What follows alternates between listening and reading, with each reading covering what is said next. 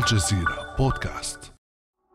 وقف بوريس جونسون رئيس وزراء بريطانيا أمام زعماء العالم بشعره المنكوش وبأسلوبه الحماسي المعتاد مفتتحا قمة المناخ كوب 26 في مدينة غلاسكو الإسكتلندية. لم يمهل جونسون الحضور دقيقة حتى بدأ في رسم صورة قاتمة لمستقبل العالم في ظل أزمة المناخ. حرمان من الطعام. ثم موجات الحرارة والحرائق وفجأة ذكر جونسون مدينة الإسكندرية المصرية 4 degrees and we say goodbye to whole cities.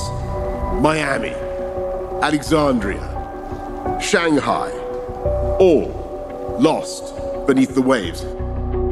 مدينة الإسكندر الأكبر بوابة مصر على العالم وبوابة العالم إليها أنذر جونسون العالم الإسكندرية هذه المدينة العريقة. قد تصبح خبرا بعد أثر إن لم يوقف البشر التغير المناخي ومثلها مدن أخرى حول العالم شنغهاي وميامي وغيرها من المدن. ولكن إلى أين وصل العالم اليوم في أزمة المناخ؟ وهل يمكن فعلا أن تغرق الإسكندرية وأن تغرق معها مدن وجزر أخرى وتختفي عن الخارطة؟ ماذا عن قمة غلاسكو الأخيرة؟ وما هي أهم مخرجاتها؟ وما الحلول المطروحة فيها؟ وهل هي قابلة للتطبيق اليوم أم أنه فات أوان إنقاذ كوكب الأرض؟ بعد أمس من الجزيرة بودكاست أنا خديجة بن جنة.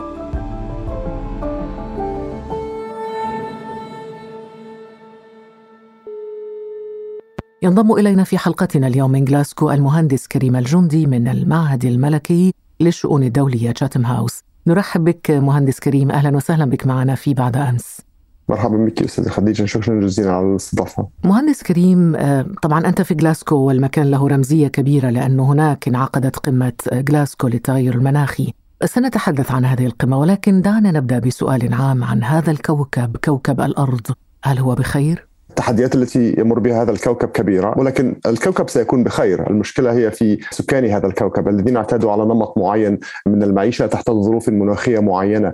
وإذا تغيرت هذه الظروف التي استمتعنا بها في العشرة ألاف عام الماضية التي أنشأنا تحتها الزراعة والمدن وهذه الحضارة الإنسانية التي نعيش في كنفها ربما نمر بمرحلة لا نعهدها. التغيرات المناخية التي نمر بها حاليا تخرجنا من المرحلة الجيولوجية التي نسميها الهولوستين وهي مرحلة استقرت تغيرت فيها درجات الحرارة بشكل كبير بشكل كبير سمح لنا بترقب أي تغير ترقب أي حدوث في تغير المناخ في حدود معينة. ما نراه حاليا نتيجة لارتفاع معدلات الكربون في المناخ يخرجنا من هذه المرحلة ويدخلنا في مرحلة أخرى لا نعرف كنهها. ومحاولات العلماء حاليا هي تقييم هذا النوع من التغير وتقييم ماذا اثره علينا في المستقبل كحضارة إنسانية وتحتاج إلى حد من هذا التغير وأيضا التكيف مع هذا التغير. طيب ما أثره علينا؟ أثره معلوم وهو زيادة في درجة الحرارة، نتوقع زيادة ما بحسب نسبة الكربون التي نتسبب فيها، نتوقع أيضا زيادة في الترسب في الأمطار في بعض الأماكن، في المنطقة العربية لن يحدث ذلك اجمالا بل ربما يؤدي إلى نقص في الترسب، نقص في الأمطار خصوصا في شرق المتوسط وفي شمال أفريقيا،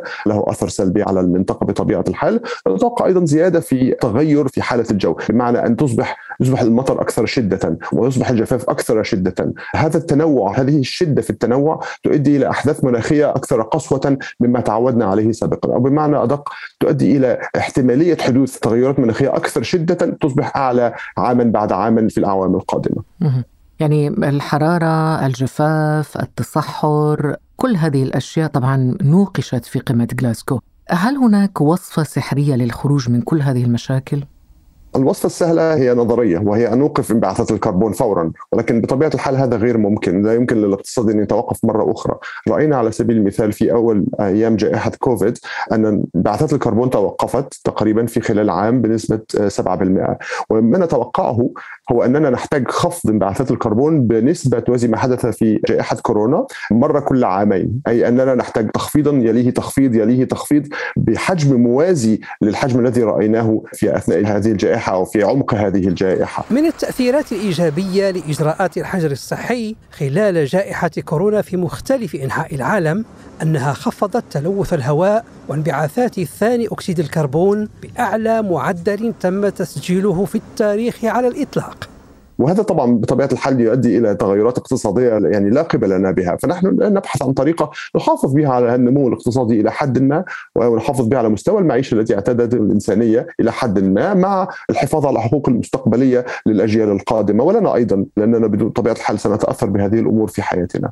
سنتأثر بالتأكيد في حياتنا بكل هذه الأشياء وهذا الكوكب الذي يعيش عليه ربما سبعة مليارات أو أكثر ربما. من البشر يأكلون ويشربون ويعملون ويعيشون و يعني كل مناحي الحياة على هذا الكوكب مهددة بفعل هذه الآثار. هل ما زال هناك إمكانية لإنقاذ هذا البيت الذي تعيش فيه البشرية؟ نعم في كل عام يمر في كل مؤتمر من مؤتمرات الأطراف التي نحضرها هذه المؤتمرات الكوب تضيق هذه النافذة لفعل ما يمكن فعله وهذا العام ظهر أيضا تقرير للجنة العلمية للأمم المتحدة وتسمى اللجنة البين حكومية لتغير المناخ هذا التقرير يصدر كل سبعة أعوام وفي هذه المرة كان التقرير يشير إلى أن احتمالية قدرتنا على الحفاظ على تغير المناخ إلى الحد من ارتفاع درجه الحرارة خصوصا إلى درجة ونصف هو الآن أصبح صعبا جدا وأننا في أفضل السيناريوهات سنخترق هذه الدرجة ونصف ولكن ربما نستطيع العودة منها، العام القادم إن لم نفعل ما يكفي سيصبح هذا الجهد أكثر صعوبة وفي العام الذي يليه يصبح الجهد أكثر صعوبة، المشكلة هنا هو أننا ليس لدينا طرف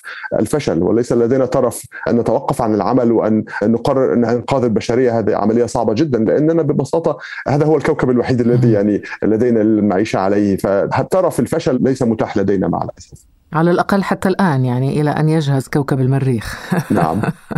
العلماء يستكشفون الآن متطلبات الحياة في المريخ بدءا بموضوع المياه والحرارة وغير ذلك. ولكن نحن مجبرون على البقاء في هذا الكوكب مهندس كريم. قبل قليل قلت أستاذ كريم أنه هناك خياران. تحديد الاحترار في درجة 1.5 مئوية و الاحتمال الثاني الانتقال الجذري إلى مصادر الطاقة النظيفة للعودة إلى المسار الطبيعي للبيئة، أيهما أقرب للواقع؟ هما يؤديان إلى بعضهما البعض، التحول الطاقي من الطاقات الوقود الأحفوري إلى الطاقات المتجددة. هي آلية من آليات خفض انبعاثات الكربون، ونحن الآن يعني في صدد دفع دول العالم نحو هذا الاتجاه، ورأينا توجه من كثير من دول العالم وأيضا كثير من الدول العربية نحو هذا التوجه، لأن سمعنا وعود كثيرة من دول المنطقة. على سبيل المثال إن شئنا الحديث عن الموقف الدول العربية نحو زيادة نسبة الطاقات المتجددة. ولدى المنطقة كثير من الطاقات المتجددة بطبيعة الحال وهي يعني تمشي بشكل موازي مع كل الطموحات المناخية التي تعلنها الدول العربية أيضا بطبيعة الحال. نركز هنا على الدول العربية بطبيعة الحال لأن يعني كمثال حول ما نراه من تطور إيجابي نحو العمل المناخي المسؤول قبل هذا التحدي الكبير يعني. طيب بما أننا نتحدث عن المنطقة العربية وأنت من مصر مهندس كريم ومصر تحديدا يعني ورد اسم الإسكندرية على لسان رئيس الوزراء البريطاني بوريس جونسون عندما تحدث عن أنه هناك مدن ستختفي منها مدينة الإسكندرية ما الذي يتهدد الدول العربية أو المنطقة العربية على الصعيد البيئي مستقبلا؟ حقيقة تصريح رئيس الوزراء بوريس جونسون كان فيه قدر من الإثارة لأنه استخدم آثار التغير المناخ في سيناريو خمسة أمتار من ارتفاع مياه البحر وهو سيناريو غير متوقع بالمرة. حاليا نتوقع بنهاية هذا القرن ارتفاع في درجة الحرارة يعني تؤدي إلى زيادة في مستوى البحر درجة متر واحد. إذا يعني حدث مجموعة من التغيرات الإضافية منها ذوبان جرينلاند وذوبان جزء كبير من القطب الجنوبي ربما نرى مترين في نهاية هذا القرن. ما ذكره كان خمسة أمتار وربما هذا يعني يعني أكثر كثيرا مما نتوقعه على الأقل في هذا المنظور في منظور نهاية القرن.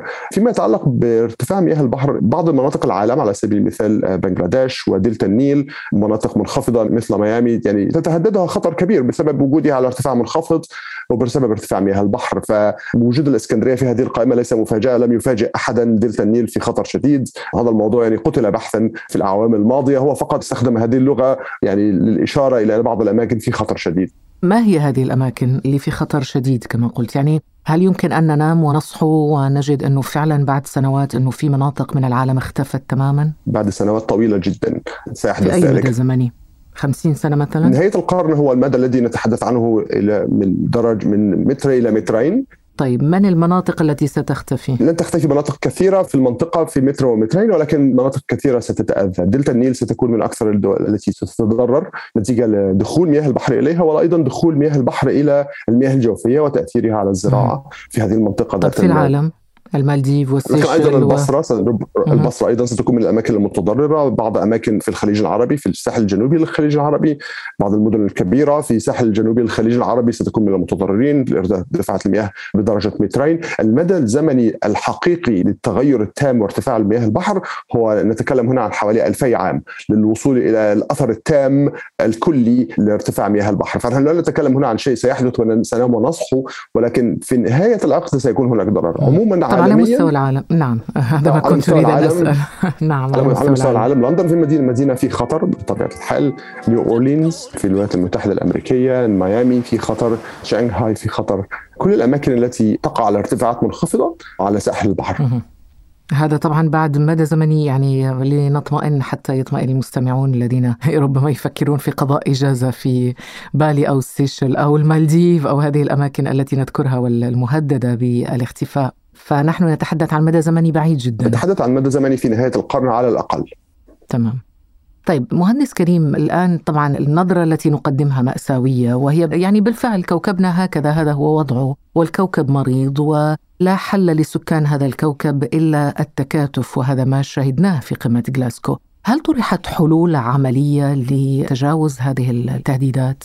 الحلول التي تناقش في هذه القمة هي نفس الحلول التي تناقش في القمم السابقة وهي تصب في خانتين. خانة تسمى التخفيف وهو التخفيف من الانبعاثات للقضاء على مشكلة من أساسها والخانة الأخرى تسمى التكيف وهي تقبل أن التغير المناخ سيحدث منه جزء لا محالة ولذلك لابد من إيجاد حلول للتكيف معه وخصوصا في الدول التي ستكون أكثر تضررا والدول التي ستكون أكثر هشاشة والدول التي لديها أكثر تعرضا لتغير المناخ. وكثير منها هي في حقيقة الأمر هي دول نامية دول تحتاج إلى المساعدة المادية. ولذلك كثير من التركيز يصب هذا العام خصيصا على دعم هذه الدول ماديا. يوجد صندوق يتم الاتفاق عليه وإن لم يتم الاتفاق بعد بشكل كلي تصل قيمته إلى 100 مليار دولار. كل عام لدعم الدول التي تحتاج إلى هكذا تمويل للتكيف مع أثار تغير المناخ. الدول المتقدمة أيضا يعني ألزمت نفسها بكثير من الالتزامات أكثر بكثير مما التزمت به الدول النامية للخفض من انبعاثات الكربون تحت بند التخفيف. شكرا جزيلا لك المهندس كريم الجندي من المعهد الملكي للشؤون الدولية تشاتم هاوس في لندن والمختص في الشأن المناخي والبيئي شكرا جزيلا لك شكرا جزيلا على الاستضافة كان هذا بعد أمس